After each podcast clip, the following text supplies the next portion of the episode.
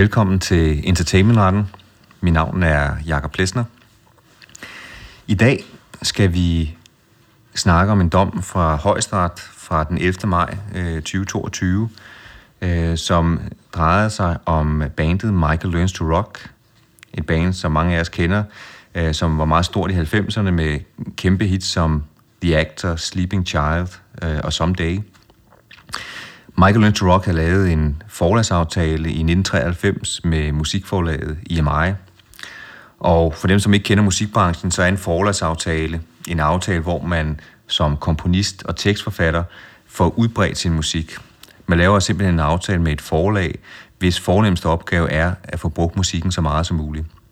Det gør en kæmpe forskel, hvis en kendt artist øh, indspiller ens musik. Hvis det for eksempel er Celine Dion, som øh, indspiller en sang, og den bliver udgivet, så får den en kæmpe udbredelse.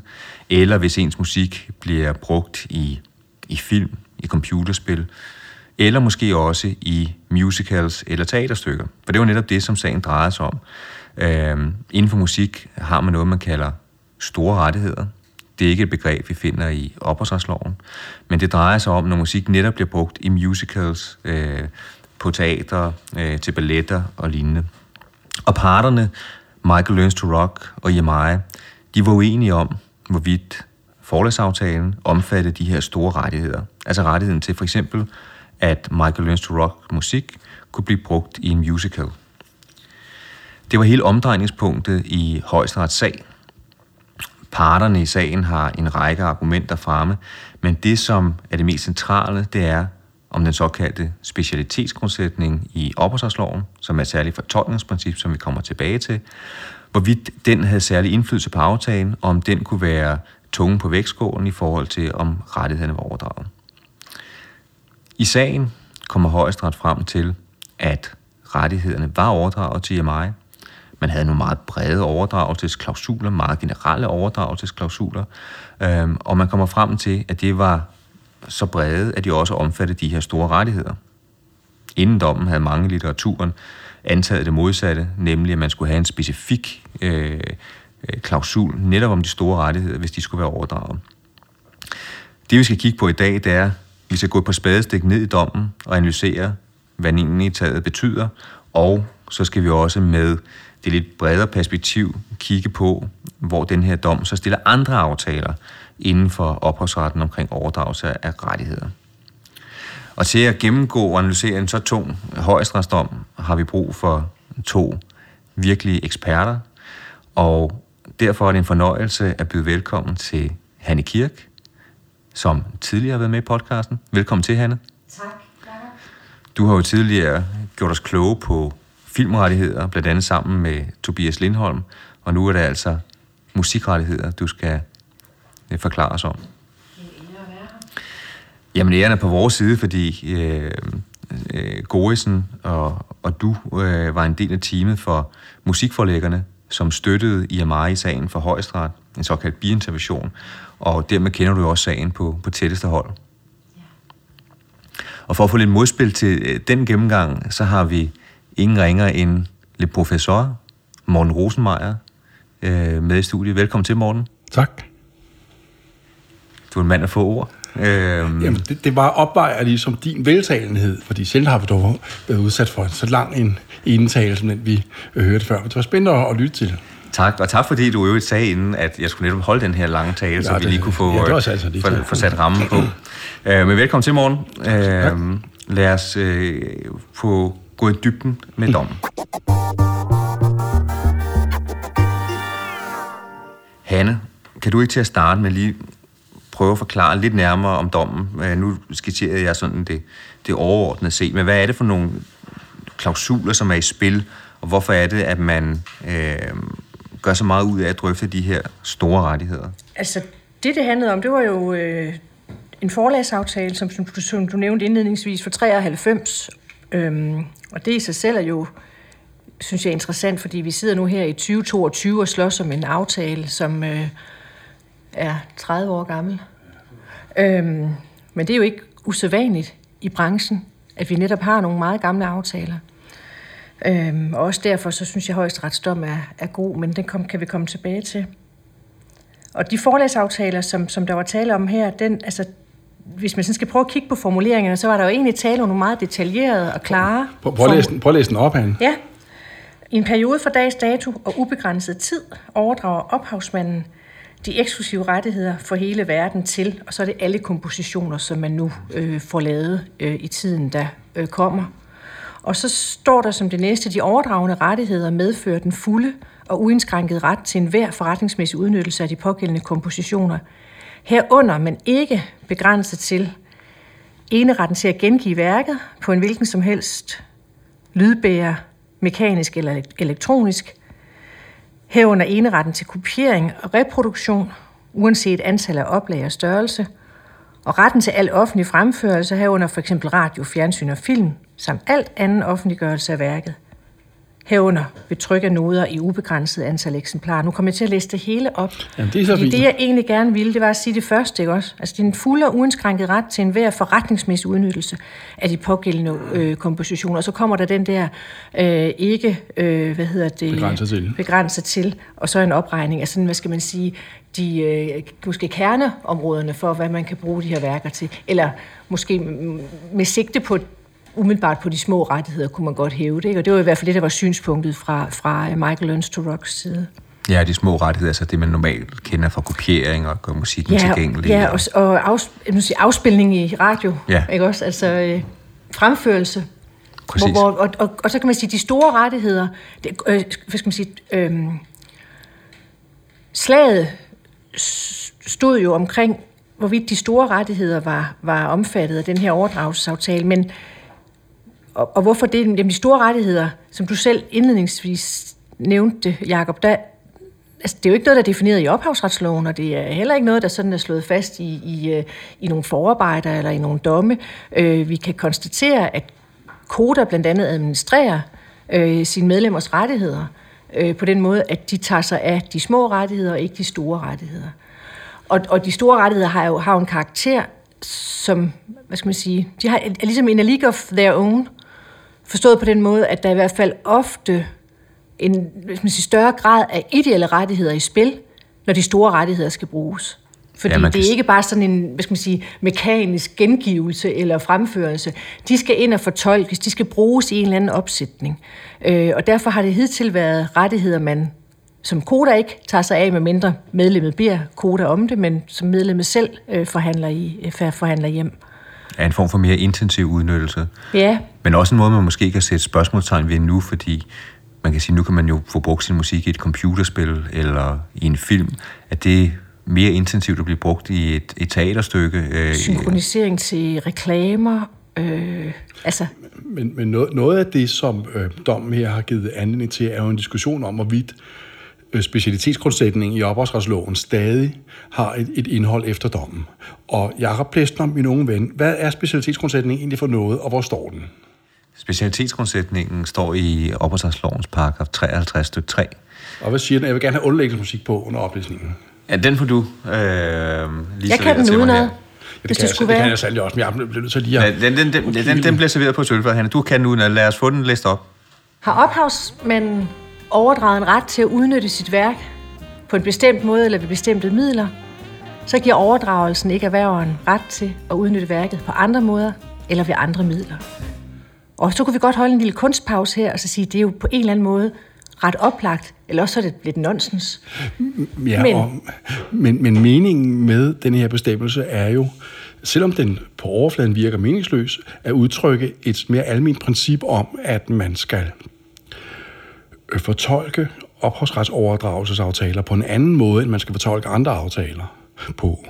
Og man plejer jo at sige, at specialitetsgrundsætningen skal føre til en mere overdragervenlig øh, fortolkning, øh, sådan som man fortolker ophavsretsoverdragelsesaftaler til gunst for ophavsmanden, som, op, som overdragerne typisk vil være, hvis aftalerne er uklare eller øh, vedrører E-, eller så, hvis der opstår spørgsmål om, hvorvidt de aftalerne omfatter udnyttelsesformer, der ikke var kendte på aftaletidspunktet, eller sådan noget. Øhm, hvis I spørger mig, så synes jeg sådan set, at specialitetsgrundsætningen fint kan trives med den her dom her. Fordi, øh, så vidt jeg kan se, så betyder specialitetsgrundsætningen, at man skal fortolke uklare aftaler til gunst for øh, overdrageren. Men jeg har da aldrig set så klar, eller hørt så klar en aftale som den her, vel? Altså, hvis specialitetsgrundsætningen skulle være til hinder for, at man kunne lave aftaler af den art her, så må specialitetsgrundsætningen, så vidt jeg kunne se, betyde, at man fortolkede aftaler til gunst for ophavsmanden, hvis ikke de var meget, meget sådan specifikke i, i deres beskrivelse af hvilke rettigheder, der, der gik over. Altså, så, sådan forstås, at specialitetsgrundsætningen ligesom stillede krav til abstraktionsniveauet i overdragelsesaftalerne, og det har jeg aldrig troet, eller aldrig forstået, skulle være mening med den. Jeg kan godt forstå, at I vandt den sag. Det er så også, fordi jeg er så dygtig i to. Enig.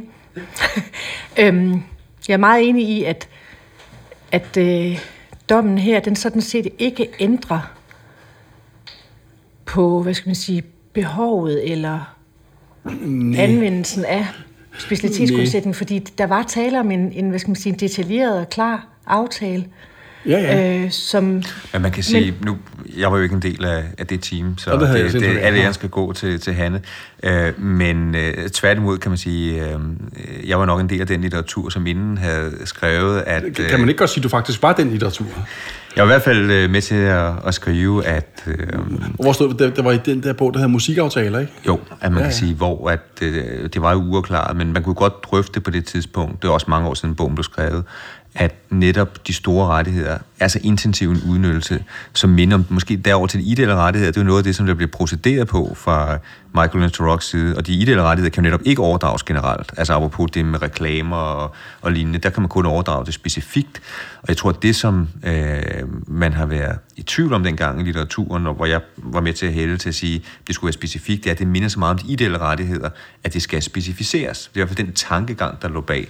Og der kan man jo så sige, at det er i hvert fald øh, blevet hældt ned ad brættet øh, med, med, med dommen her. Ikke? Jeg synes, det, det standpunkt, fordi det er lidt et standpunkt, du har indtaget, Jacob, i sin tid, ikke også? Og, og det har jeg altid haft sympati for, for jeg synes jo, ligesom jeg også har sympati for, for øh, specialitetsgrundsætningen, det kan jo så være lidt ligegyldigt, hvad jeg synes om de ting, men, men det, er jo, det er jo begge udtryk for, at, at ophavsmanden skal vi passe lidt på, fordi der typisk og hidtil, og måske stadigvæk i nogle situationer, er en ubalance, hvor vi på den ene side har en, en, en kunstner, og på den anden side et, et stort stygt forlag. Ikke? Eller vi kender det jo fra andre retsområder også, hvor man laver en, en, øh, en lovgivning, som sikrer, at, at øh, den svage aftalepart bliver beskyttet på forskellige vis med regler.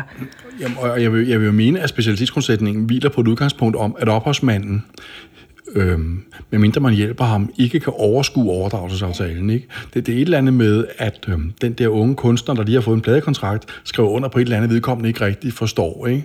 Øh, så beskyttelsesbehovet er, øhm, at man beskytter folk mod kontrakter, de ikke kan overskue. Men øhm, det går jo også fint i tråd med, at specialitetsgrundsætningen ikke var afgørende i den sag her, fordi man kunne jo godt skulle man mene, overskue, hvad den aftale her gik uh, ud på ikke? I, i sin tid. Altså, jeg, jeg, jeg, har sjældent, jeg har sjældent set så, så uh, omfattende en, en aftale som den der. Det, det, det må jeg altså De er meget sige. typiske. Ja, ja, ja, det er det. Jo, altså ja, det, er, det, er ja, ja. Også, det er også derfor, at mm. dommen har, har, har betydning ikke kun mm. for parterne i sagen, men, ja, ja. men sådan set for branchen, fordi det er sådan, mm. kontrakterne de ser ud. Men jeg vil sige, man kan godt, man kan godt udlægge øh, specialitetsgrundsætningen, eller sige, at det er det, der, der er, hvad skal man sige, dens raison d'être. Men, men noget andet er jo, hvis man kigger på det sådan lidt mere kommercielt, hvem skal, øh, hvis man skal give ophavsmanden, kunstneren, forfatteren, øh, størst øh, er ikke størst mulig mulighed, men, men videst mulighed for at udnytte sine rettigheder, så skal han, hun jo kunne skære dem op i så mange bidder, som ja. der overhovedet er, er kommersielt behov for. Det, det er nemlig det, fordi, øhm, ja, altså, fordi hvis nu man sagde, at en kunstner selv ikke med en aftale af den klarhed her gyldigt kan overdrage sine rettigheder til øh, kommersielle modparter, så vil det jo resultere i, at de kommersielle modparter ikke vil købe rettighederne mere. Og hvad skal man så? Altså, vi, vi lever jo i et kapitalistisk øh, markedsøkonomisk samfund her. Ikke? Ophavsretten er til for, at rettighedshaverne skal kunne tjene penge på deres øh, ting, og det øh, sker ved, at de kan overdrage øh, rettighederne. Man skal passe på, at man ikke spænder ben for, for det i for høj grad. Det er, der, det er der ingen tvivl om. Vi er hvem, der bliver glade nu. Vi er, vi hvem, der bliver glade nu. Det gør vores ven Jørgen Blomqvist. han har jo skrevet licentiaterhandling om overdragelse af ophavsrettigheder, og, og der skriver han, at specialitetsgrundsætningen er det rene bullshit, som ikke øh, betyder noget som helst i praksis, fordi den altid i øh, de relevante domme fortrænges af almindelige formueretlige fortolkningsgrundsætninger, såsom konstipistreglen og uklarhedsreglen og minimumsreglen og alt det her. Det her det er lige vand på øh, Jørgens Mølle, alt det her, det kan jeg godt love for. Men jeg forstår godt, at det er det, man kan... Det, jeg vil også sige, hidtil har jeg også udledt retspraksis som, at domstolene, de er ikke begejstrede for specialitetsgrundsætningen, hvis de kan slippe, slippe ud af at bruge den, og måske bruge aftalelovens paragraf 36, eller helt undgå den, så, så er der i hvert fald noget retspraksis, der viser det, som er ældre dato. Den her viser ikke det.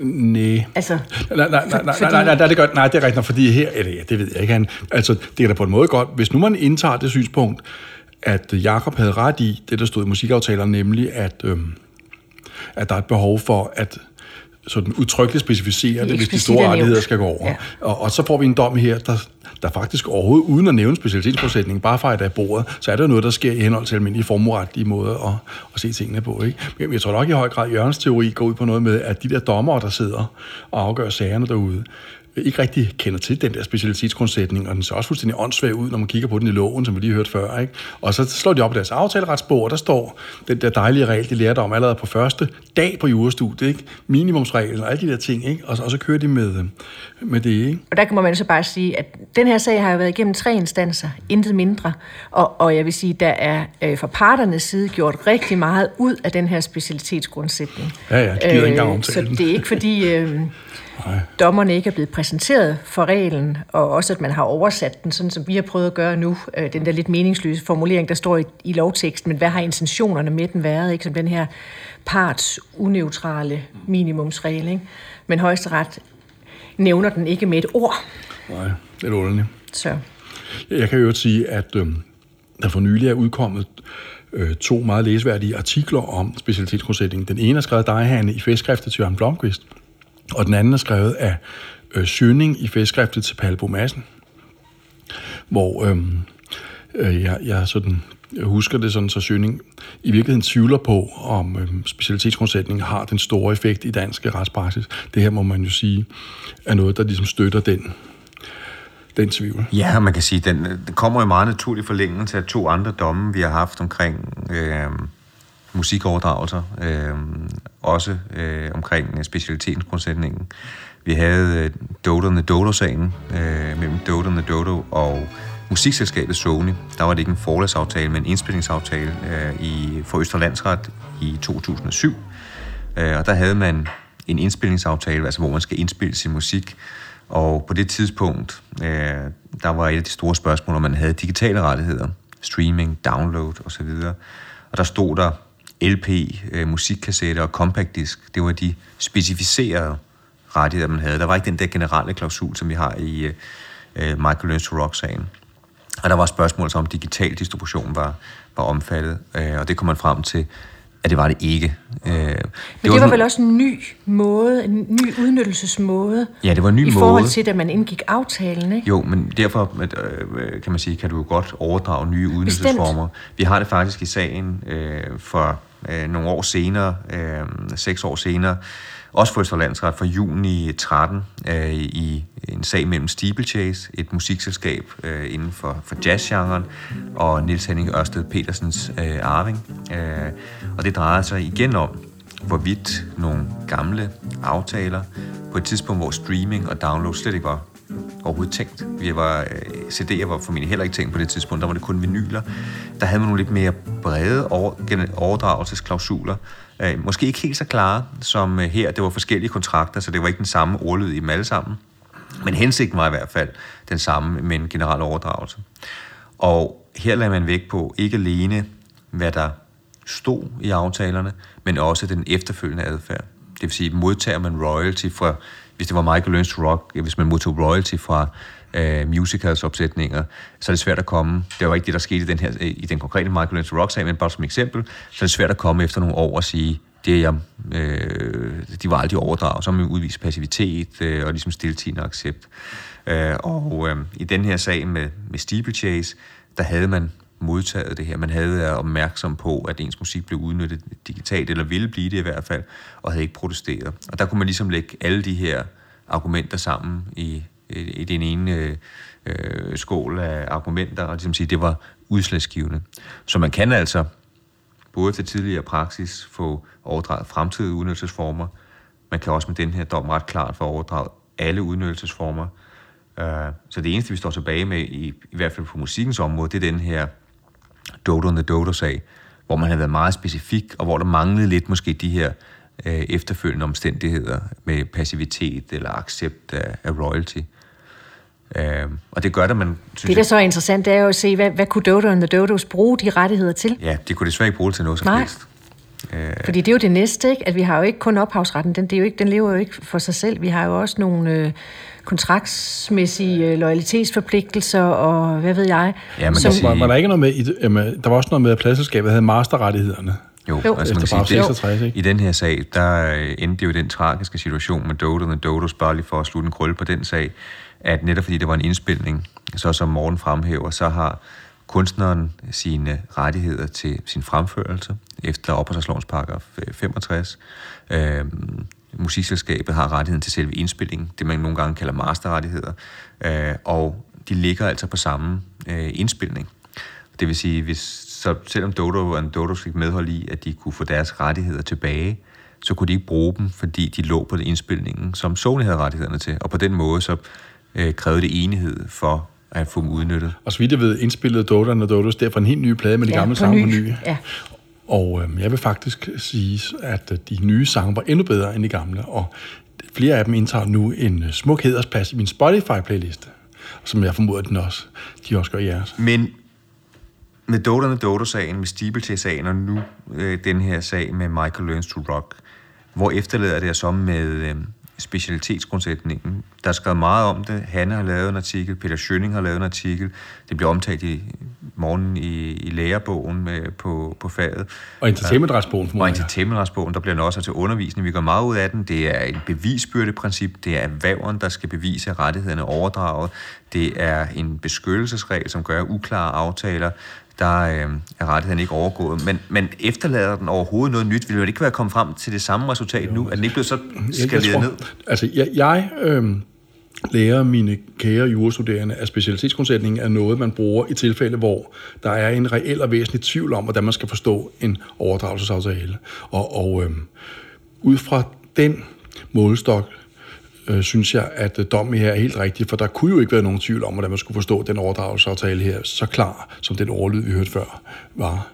Jeg, jeg, jeg vil stadigvæk mene, at specialitetsgrundsætningen kan have en plads i relation til aftaler, der er uklare og svævende og ubehjælpsomt formuleret og sådan noget. Men det var den jo ikke, den her. Det var tværtimod lavet af en til synes en meget dygtig, skrab øh, erhvervsjurist. Ikke? Altså, nej, så jeg er glad. Hanne, øh, nu har vi hørt morgens øh, øh, udlægning af specialitetsgrundsætningens skæbne. Hvad siger du til sådan afslutningsvis til dommen og til specialitetsgrundsætningen?